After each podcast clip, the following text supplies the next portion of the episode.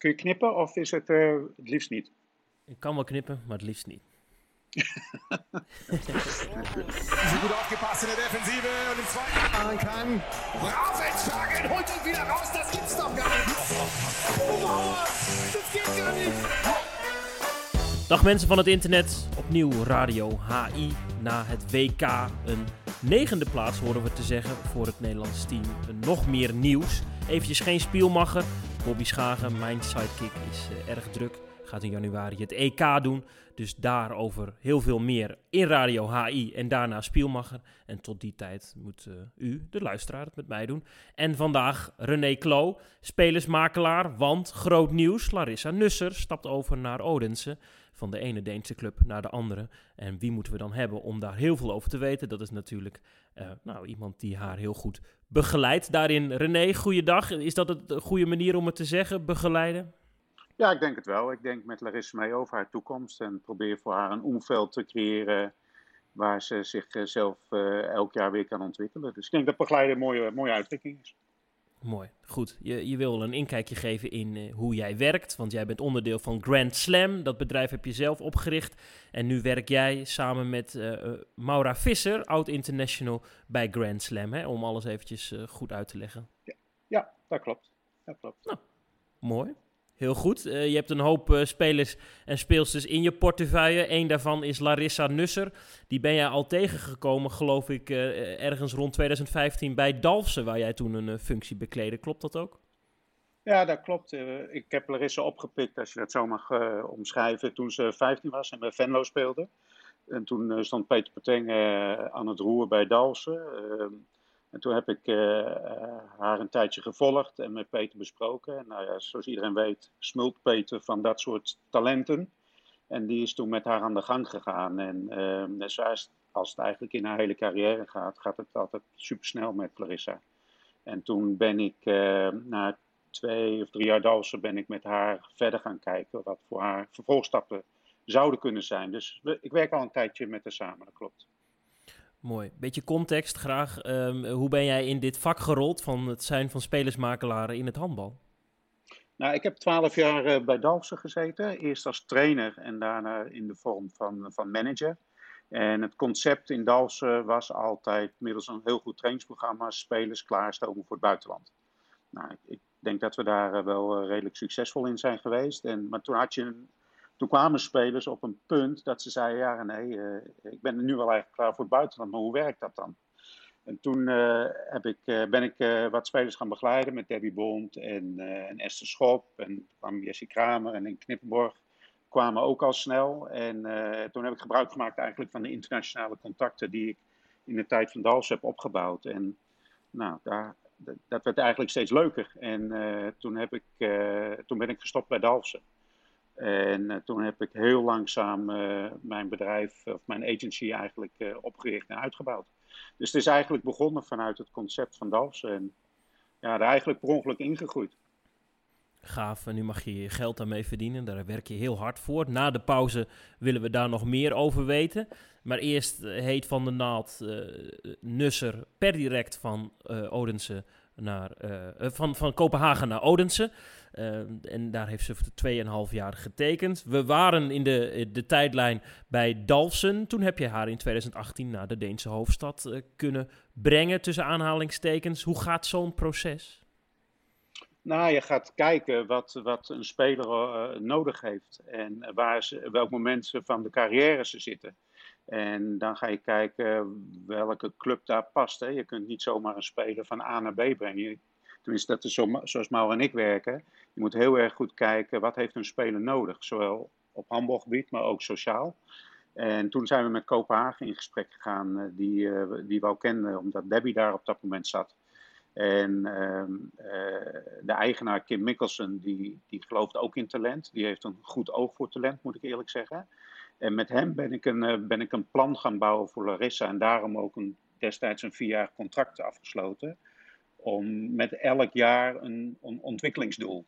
En uh, nou, dat hebben we toen met Larissa besproken en ook met de ouders natuurlijk. En daar hebben ze een goed gevoel bij gekregen en toen, uh, toen zijn we erin gestapt. Uh, dus maar vanuit een duidelijk plan van alle kanten, vanuit de club, vanuit Larissa en ook van ons als agency. Wat heeft een talent daar uh, aan? waarom moet dat vooral heel goed ingekaderd worden? Nou ja, zeker als je zo jong bent, zoals toen 17 of net 18, heb je als speler eigenlijk geen idee hè, hoe het eraan toe gaat. En wil je eigenlijk maar één ding, en dat is op het veld staan en lekker trainen en spelen. En, dus je moet heel goed kijken waar, waar kan zij dat het beste doen? En waar heeft ze het minst last van alle randzaken die eromheen zitten? En, en, maar vooral ook als je jong bent en de eerste stap naar het buitenland maakt, moet je ook kijken hoe gaat een club met dat soort spelers om. En dat is niet, ook niet bij elke club op dezelfde manier geregeld. En uh, daarom moet je daar, vind ik, heel voorzichtig uh, mee omgaan. Ook vooral goed overleggen met de ouders wat zij vinden dat, dat hun kind nodig heeft of wat voor hen belangrijk is. En ik, dat is misschien nog wel belangrijker de eerste jaren als het handbal zelf. Moet je beschermen dus. Ja, heel erg vind ik wel. Het is natuurlijk heel makkelijk om iemand naar een club te brengen. Maar dan begint het pas. En uiteindelijk heb je wel een verantwoording naar spelers en ook een verantwoording naar ouders. En uh, heb je er niks aan als in december uh, huilende spelers aan de lijn hebben die zo snel mogelijk weer terug willen. En ze hebben een droom en uh, zij zien, hebben een bepaald beeld van dat droom, van die droom. En, maar dat is natuurlijk niet altijd de realiteit. Er zijn heel veel dingen waar je geen invloed op hebt, die die droom wel kunnen verstoren. En dat is wel onze job om dat aan de voorkant zo goed uh, mogelijk te filteren. Dus ja, het beschermen is denk ik wel een heel mooi woord. Uh, zij moeten vooral kunnen focussen op handbal. En dat is waar ze overzicht op hebben. Dat is wat ze leuk vinden en dat is wat ze goed kunnen. En de rest moet, uh, moet zoveel mogelijk beschermd worden. Waren ze bij Kopenhagen al vrij snel gecharmeerd van haar en ook overtuigd dat zij in de toekomst wat voor die club zou kunnen betekenen? Ja, dat was eigenlijk naar, naar de eerste week al. Je ziet, uh, je ziet dan, een trainer ziet al heel snel als je op trainen bent, aan het bewegen, aan het technisch inzicht, of tactisch inzicht en technisch vaardig handelen, zien ze al heel snel of een speler iets kan. Dan, uh, daar is vaak minste twijfel over. Waar ze dan goed over nadenken is, oké, die is 18, die stap naar het buitenland, in een grote stad. Hoe gaat ze daarmee om? Hoe gaat ze om met de druk die in een Deense liga onvergelijkbaar is met de, met de Nederlandse competitie. Dat zijn allemaal externe factoren die niemand aan de voorkant weet. Uh, daar zijn ze uh, voorzichtig mee, maar voor iedereen was het aan het begin wel duidelijk dat, dat Larissa zich snel zou gaan ontwikkelen. Mooi. Maar desondanks, gelukt. Ja, ja, sorry, desondanks zijn ze wel heel voorzichtig met haar omgegaan. Het eerste jaar heeft ze heel weinig gespeeld. En was vooral het idee kijken, luisteren en leren. En de minuutjes die je krijgt, alles eigenlijk opzuigen. En het tweede jaar word je nog meer geïmplanteerd. En daar hebben ze zich wel heel goed aan gehouden steeds. Ondanks dat ze zagen welke potentie Larissa had en heeft. Dus jij bent als, als uh, spelersmakelaar wel tevreden met hoe, hoe dit proces daar verlopen is in 3,5 jaar? Ja, dit is eigenlijk uh, een, een blauwdruk. Als we dat zo met iedere speler zouden kunnen uitrollen, dan, dan hebben we een prachtig mooi iets, denk ik. Uh, en zo zijn er nog een aantal spelers hoor, waar het op die manier gaat. Maar hier is eigenlijk noem, eens, noem eens iemand uit jouw stal waar dit ook, ook goed gaat. Of, of meerdere voorbeelden waar, waar jij tevreden nou, over bent. Nou ja, uh, ik denk dat het pad wat Kai Smits uh, gevolgd heeft via Lions, Willemshaven, Hulstbro drie jaar en nu uh, Magdeburg, dat dat ook een voorbeeld is van goed plannen, spelers met een goede focus en, en rust bewaren, niet ongeduldig worden. Want dat zijn jonge spelers natuurlijk, die zijn ongeduldig. Uh, maar ik denk ook Nico Blauw als recent voorbeeld. Bewust twee jaar geleden naar de opleidingsploeg van Lemgo gestapt. Met een bepaald plan. En uh, ook Nico wilde allemaal sneller. Maar ook constant uh, voet op de grond en stap voor stap. En die heeft nou, recent zijn eerste profcontract getekend. ik denk dat dat ook een heel goed, heel goed voorbeeld is. Als je op de rem moet trappen, heb je dan wel eens ruzie? Uh, meer ruzie met mezelf dan met de spelers, denk ik. Het gaat, hè, daar heb ik het met, met Mauro ook veel over. Uh, wanneer zeg je iets uh, tegen spelers wat ze niet willen horen? Hè? Zij willen natuurlijk helemaal niet horen dat je geduld moet hebben.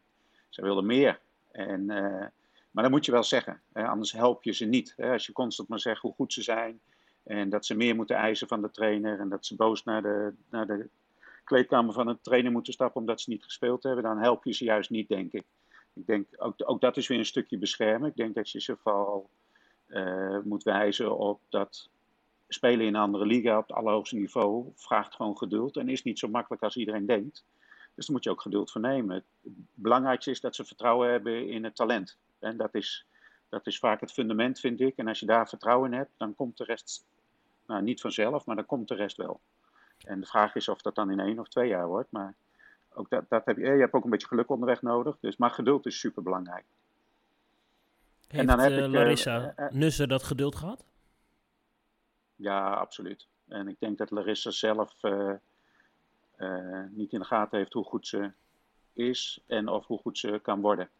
En even plat gezegd, misschien heb, heb ik bij haar niet zo snel ruzie, maar eerder een, een, een, trap onder de kont nodig om nog meer eruit te halen. Maar goed, niet vergeet, ze is 21 en daarom is deze stap ook heel belangrijk geweest. En daarom denk ik ook dat het goed is dat ze deze stap nu al neemt, halverwege het seizoen zodat ze nog zes maanden Champions League mee kan pakken. Dat helpt haar alleen maar met oog op het nieuwe seizoen. Dus ik ben ook blij en vooral trots dat ze het heeft gedurfd. Want dat is niet van de een op de andere dag besloten. Dat ze het heeft gedurfd om de stap nu al te maken. Dat is denk ik voor haar al een hele ontwikkeling. Dat ze dat zo dedicated heeft besloten voor haarzelf. Wanneer toonde Odense voor het eerst dan interesse in haar? Want eerst zou het geloof ik gaan over een stap uh, in de zomer. Ja, we hebben al begin van dit seizoen bij Kopenhagen aangegeven dat we ons voor, voor gingen bereiden op een, op een nieuwe stap. Eh, na vier jaar eh, denk ik ook dat een speler toe is aan, aan een nieuwe uitdaging. En het feit, als je kijkt hoe Kopenhagen zich ontwikkelt en hoe Larissa zich ontwikkelt, was het ook logisch. En er was vanuit Kopenhagen ook geen enkel, geen enkel thema. Natuurlijk hadden ze haar graag gehouden en verlengd. Maar ze snapten waar we mee bezig waren. Nou, toen zijn we heel zorgvuldig samen met Larissa gaan kijken, wat wil je, wat past bij jou. Eigenlijk hetzelfde als wat we vier jaar geleden hebben gedaan met Kopenhagen, hebben we nu weer gedaan. Alleen Champions League als, als benchmark.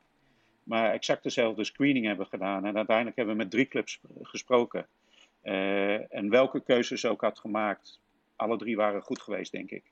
En, uh, maar al snel werd duidelijk dat, ze, dat Denemarken, het omveld, de mensen, de liga, dat, dat goed past bij Larissa. Hè? Dat zijn de eigen woorden van Larissa. Nou, dan maak je zo'n lijstje van kandidaten maak je kleiner. Uh, en er, waren, er was heel veel aanvraag naar Larissa. En uh, ze is natuurlijk jong, ze is getalenteerd. Uh, ze heeft iets wat veel spelers niet, niet hebben. maar ook heel veel van die aanvragen hebben we gelijk al afgewezen. Omdat het gewoon niet past binnen het profiel wat we hebben gebouwd met Larissa. En toen hebben we dus de lijst verkleind naar drie. En met drie drie geïnteresseerde clubs zijn we gaan praten. En uiteindelijk heeft Larissa besloten dat Odense voor nu het best bij haar past. Dat dat de meest organische stap was in haar eh, carrière. We moeten niet vergeten, en dat heb ik Larissa ook steeds voorgehouden. Ook na 2,5 jaar contract in Odense is ze nog maar 24. Dus dan kan ze die stap hoger, die nu al wel mogelijk was, kan ze dan ook nog maken, denk ik. Komt dan een geïnteresseerde club, ik vind het leuk om te weten, eh, in mail eh, naar jou? Of, of gaan ze je bellen? En, en, en, en, ja, ga je dat dan checken, wie dat dan zijn en, en waarom, waarom er dan interesse is? Hoe komt dat? Hoe gaat zo'n wereld? Nou, ja, kijk, je, als, als, als agent ben je natuurlijk altijd, probeer je altijd twee of drie stappen vooruit te werken. Hè? Dus uh, als, als wij nu een contract sluiten met een speler voor twee jaar, zijn we, wij hier op kantoor, zijn Mauro en ik al aan het kijken Oké, hoe ziet het er dan over twee jaar uit? Dus je bent constant al aan het zaaien overal en je hebt contact met alle trainers. En er is dus natuurlijk een speler die, die iedereen wel volgt. Nou, dan kom je in contact met de trainer van, van Odense en die vraagt dan, uh, hoe ziet het contract van Larissa eruit? Wat gaat ze doen? Dat, dat is vorige zomer al, al heeft dat al plaatsgevonden. Of, uh, sorry, zomer 21, afgelopen zomer. En uh, dan ga je ook met de directie in gesprek en die willen dan de condities weten. Nou, dat, dat houden we wat, wat afzijdig. Ik vind het handballend, dat is prioriteit één. Dus daar heb ik met de trainer een paar keer uh, over Larissa gesproken, zonder dat ik Larissa dan gelijk daar al in meeneem. Want het heeft geen zin voor een speler om over iets na te denken wat helemaal nog niet concreet is. Dus dat proces loopt al heel snel en dat begint gewoon door dat trainersje bellen om te vragen hoe, hoe de toekomst van Larissa eruit ziet en hoe het contract eruit ziet qua loopduur, qua looptijd. Dus dat, maar dat, dat loopt al een paar maanden hoor. Krijg je wel eens een telefoontje? Dat kan me zo voorstellen dat het bij Odens het geval was. Maar ook als het gaat om interesse in andere spelers. Uh, wanneer jij ophangt, dat jij al denkt: oh, dit is, dit is wel heel kansrijk. En dit wil ik eigenlijk meteen delen. Word je daar wel eens heel enthousiast van? Ja, nou ja, natuurlijk. Kijk, wat voor ons het leukste is, tenminste, dat vind ik het leukst van ons werk, is dat als je, wat ik net zei, voorsorteren en al gaat, gaat, ja, gaat scouten eigenlijk, of, of je voorwerk gaat doen, dat het dan samenkomt aan het eind. Ja, en dan heb je wel eens een juichmomentje op het moment dat zo'n club zelf belt en vraagt naar een speler waar je mee bezig bent en waar je mee werkt. Ja, dat, dat juichmoment is er zeker. Maar daar hebben we nog niks, hè. Maar het gaat meer om het feit dat het werk wat we doen, dat dat, dat dat gezien wordt en beloond wordt. En dat de speler zich in de kijker speelt. En dat is natuurlijk het allerbelangrijkste. Dus dat juichmoment is er zeker, ja. Mooi, fijn. Hou dat vast. We zitten op de helft, René. Dan gaan we eventjes naar, uh, naar de reclame. Want uh, Radio HI wordt mede mogelijk gemaakt door WePlay Handball. De nieuwe webshop voor handballers in Nederland. Ik vraag aan mijn gasten René, als er nou een, een, een doosje, een pakketje, het is uh, kerst, dus het kan heel goed, voor de deur staat met sportkleding. Jij bent de makelaar, maar wat hoop jij dan dat erin zit? Nou, gewoon een lekkere, fijne, goede, sportieve uh, sweater voor op kantoor, denk ik. Schoenen hoor ik veel, maar ja, dat, uh, op mijn leeftijd heb je die niet meer nodig, uh, Stijn. Dus iets, iets lekkers om op kantoor te dragen waar je fijn in voelt. Dat is ook belangrijk natuurlijk. Besprekingen doe jij doorgaans niet in sportkleding, neem ik aan. Nee, nee, nee, nee, nee, nee, klopt. Maar als ik op kantoor zit, heb ik wel graag uh, een, uh, een lekkere sportsuite uh, aan. Gelukkig, je bent ook maar mens. Allemaal te koop bij weplayhandball.nl.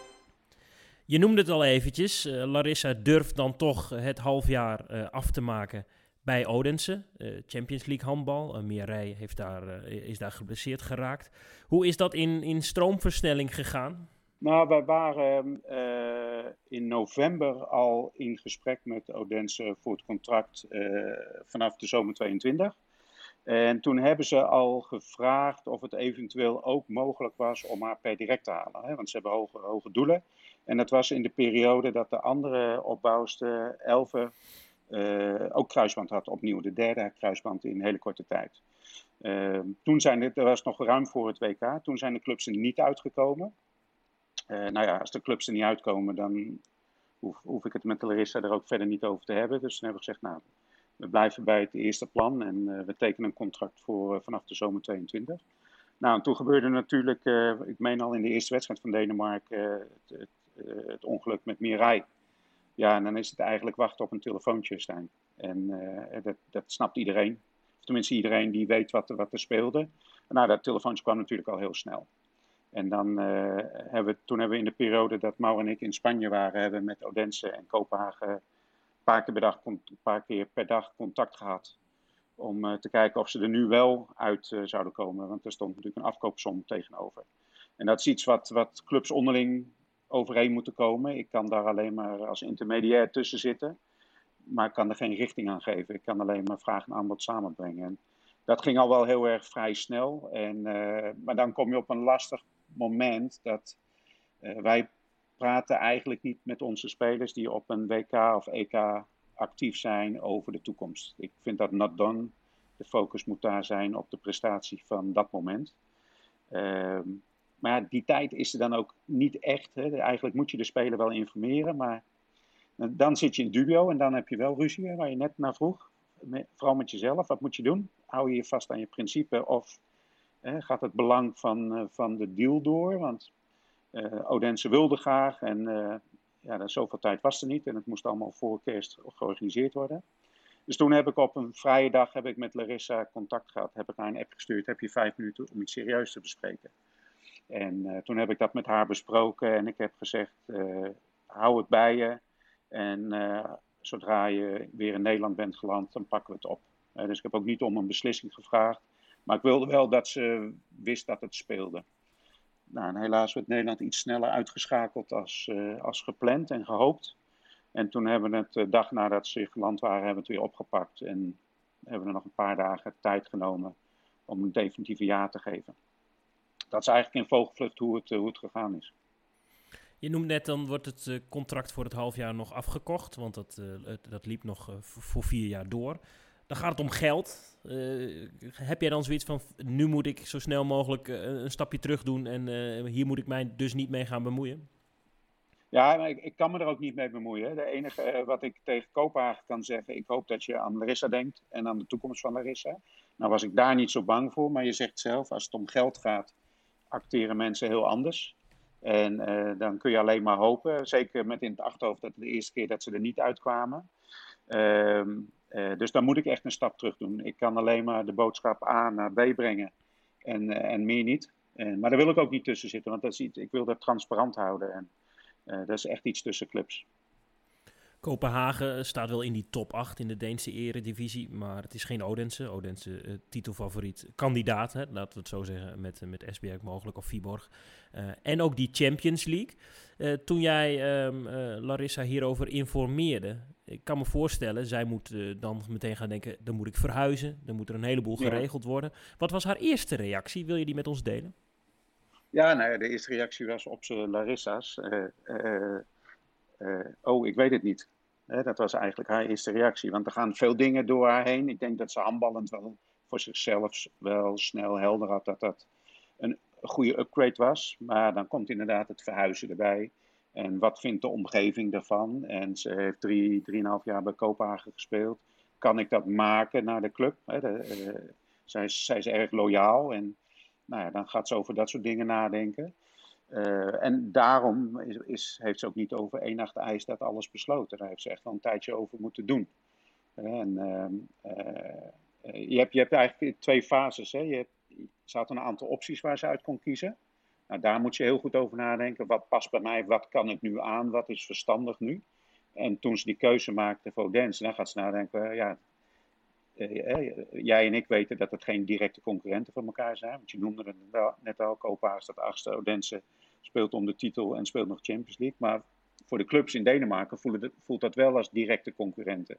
En het is anderhalf uur van elkaar rijden, dus er is ook nog een soort van uh, rivaliteit. Dus dat was het voor Larissa ook niet makkelijk om die keuze te maken. Maar ik denk in topsport moet je altijd voor jezelf kiezen. Het gaat om jouw toekomst en niet die om de toekomst van jouw huidige trainer of jouw huidige werkgever. En, maar dat kostte wel even tijd. Dat had ik wel aan alles gemerkt. En die tijd moet je de speler dan ook geven, denk ik. Was je erbij toen ze wel tekende en wel eh, voor het eerst bij Odense was? Of is dat allemaal uh, nog in Nederland uh, gegaan? Ja, dat is allemaal in, in Nederland gegaan. Ze is natuurlijk vanuit, uh, vanuit Spanje terug naar Nederland gevlogen. Ze viert de kerstdagen bij haar familie. En volgende week uh, de 29e. Ja, precies. En dat is ook super belangrijk. En vind veel clubs onderschatten dat. Zeker voor spelers die hun familie ver weg hebben zitten. Maar ik moet zeggen, Kopenhagen en ook Odense, die, uh, die uh, zijn zeer menselijk daarin, stellen zich daar zeer menselijk in op. Um, dus de 29e volgende week rijd ik samen met Larissa naar Odense op haar eerste werkdag eigenlijk. Mooi. Ja. Nou, dit is, zijn mooie nuances, want uh, het, blijft natuurlijk gewoon mensen waarmee jij werkt en mensen die overstappen van de ene naar de andere club. Want ik kan me wel eens voorstellen, ik was voorheen uh, als tiener een groot voorstander van FIFA en carrière-modus. En dan gaat het ene speler van, van, van Rusland naar Spanje en dan is dat allemaal maar mogelijk.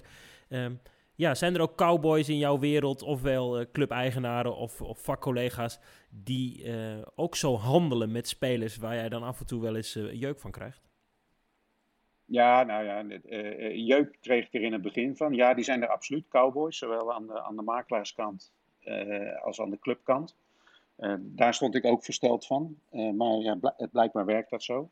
Ehm, in het begin kreeg ik er jeuk van, maar nu ben ik wel zover dat ik dat ook zeg. Hè, dat ik ook bij clubs aangeef van, joh, pas op, wij spreken wel over spelers van een bepaalde leeftijd. En het blijft wel mensenwerk. En dan probeer ik altijd de, de reflectie te geven van, joh, wat zou je, hoe zou je reageren als jouw dochter zou zijn? Dan wordt het altijd wel weer wat minder. Maar ik moet zeggen, dat is ook de minder leuke kant van ons vak, uh, Stijn. Hoor. Dat er te veel cowboys zijn. En uh, dan een beetje op voetbal gaat lijken. En volgens mij moeten we dat niet willen. Maar ik weet ook niet of we dat ooit kunnen uitbannen. Ik ben bang van niet. Ik merk aan de mailbox van Handball Insight dat nou, clubs nu bezig zijn, ook met het oog op, op volgend seizoen. Uh, de drukte is bij jou denk ik al, al een tijdje gaande of gaat het zich dan nu opschroeven na de jaarwisseling? Nou, dit is eigenlijk al wel vanaf de zomer al gek genoeg. En dan heb je in, in het begin, in september, oktober, heb je altijd wat drukte. Omdat dan spelers geblesseerd raken of trainers komen erachter dat ze toch wel de ploeg nog willen versterken. En dan heb je altijd even een piek voor het WK of een EK. Omdat clubs dan hun beste spelers onder contract willen zetten of contracten willen verlengen omdat ze anders bang zijn dat ze worden weggekaapt als ze een goed EK of WK spelen. Of simpelweg duurder worden. Hè, zo is het spel ook natuurlijk. En dan tijdens het WK is er wat informatiewisseling of vooral veel gesprekken. Omdat je elkaar dan ontmoet in de hal of waar je dan ook bent tijdens zo'n toernooi. Hoe belangrijk is het dat een speler op dat, dat podium op dat moment presteert? Ja, heel belangrijk. Dat is ook wat ik constant probeer voor te houden. Een beter podium kun je niet, uh, kun je niet krijgen, kijken. De hele wereld kijkt. En als je zorgt dat je daar goed speelt en vooral goed rendement draait, want daar gaat het natuurlijk gewoon om, eh, dan, eh, eh, ja, dan ben je zes stappen vooruit. En eh, daar kan ik niet tegen aanwerken als in, in de acquisitie, zeg maar, in de presentatie van spelers. Eh, natuurlijk volgen clubs de spelers tijdens hun, hun, competitiewedstrijden. Maar een EK of een WK of een Champions League, dat is het absolute podium waar je gewoon A wil zijn. Dat is al een stap. En B moet je dan ook echt staan. Als je wat wil, moet je daar presteren. En dat bespreek ik ook zo met de spelers. En daar hoef ik ook geen doekjes om te winden. Want zo werkt het gewoon. Dus dan, als je echt wat wil, moet je daar aanwezig zijn en presteren. Het gaat maar door, hè, de wereld. De wereld draait door in ieder geval. Ja, ja, dat gaat altijd door. En, uh, en nu merk je wel dat het echt. Uh, uh, de clubs hebben een budget bekend, of weten min of meer wat ze kunnen besteden aan, aan de spelers. Uh, ze weten welke spelers blijven, welke spelers weggaan. Dus welke posities opgevuld moeten worden. En nu, nu begint echt wel volle bak te draaien. Larissa heeft haar eerste grote transfer gemaakt op 21-jarige leeftijd. Je begon al met haar toen ze 18 was. Sterker nog, je kende haar al als 15-jarige broekie bij Dalfsen. Loopt er nu iemand in jouw dossier rond, rond waarvan jij denkt nou, die kan ook heel goed worden. En dan wil ik nu niet de druk opvoeren, maar ja, loopt het talent rond in Nederland? Ja, er loopt zeker, loopt zeker talent rond. Ik vind eigenlijk niet dat je spelers één op één zo met elkaar kunt vergelijken.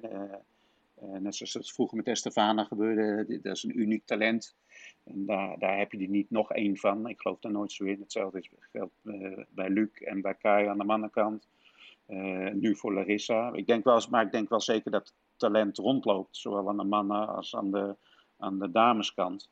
Alleen de vraag is wel van uh, handballend zullen ze het allemaal wel redden, maar hoe hebben ze het daaromheen voor zichzelf georganiseerd en vooral in hun kop en snappen ze dat ze heel hard moeten werken en het succes niet zo, zomaar daar is. En dat is vooral interessant om te volgen bij hele jonge spelers. Maar er, er zit zeker talent, ja, absoluut. Gaat de telefoon even uit, eerste en tweede kerstdag? Uh,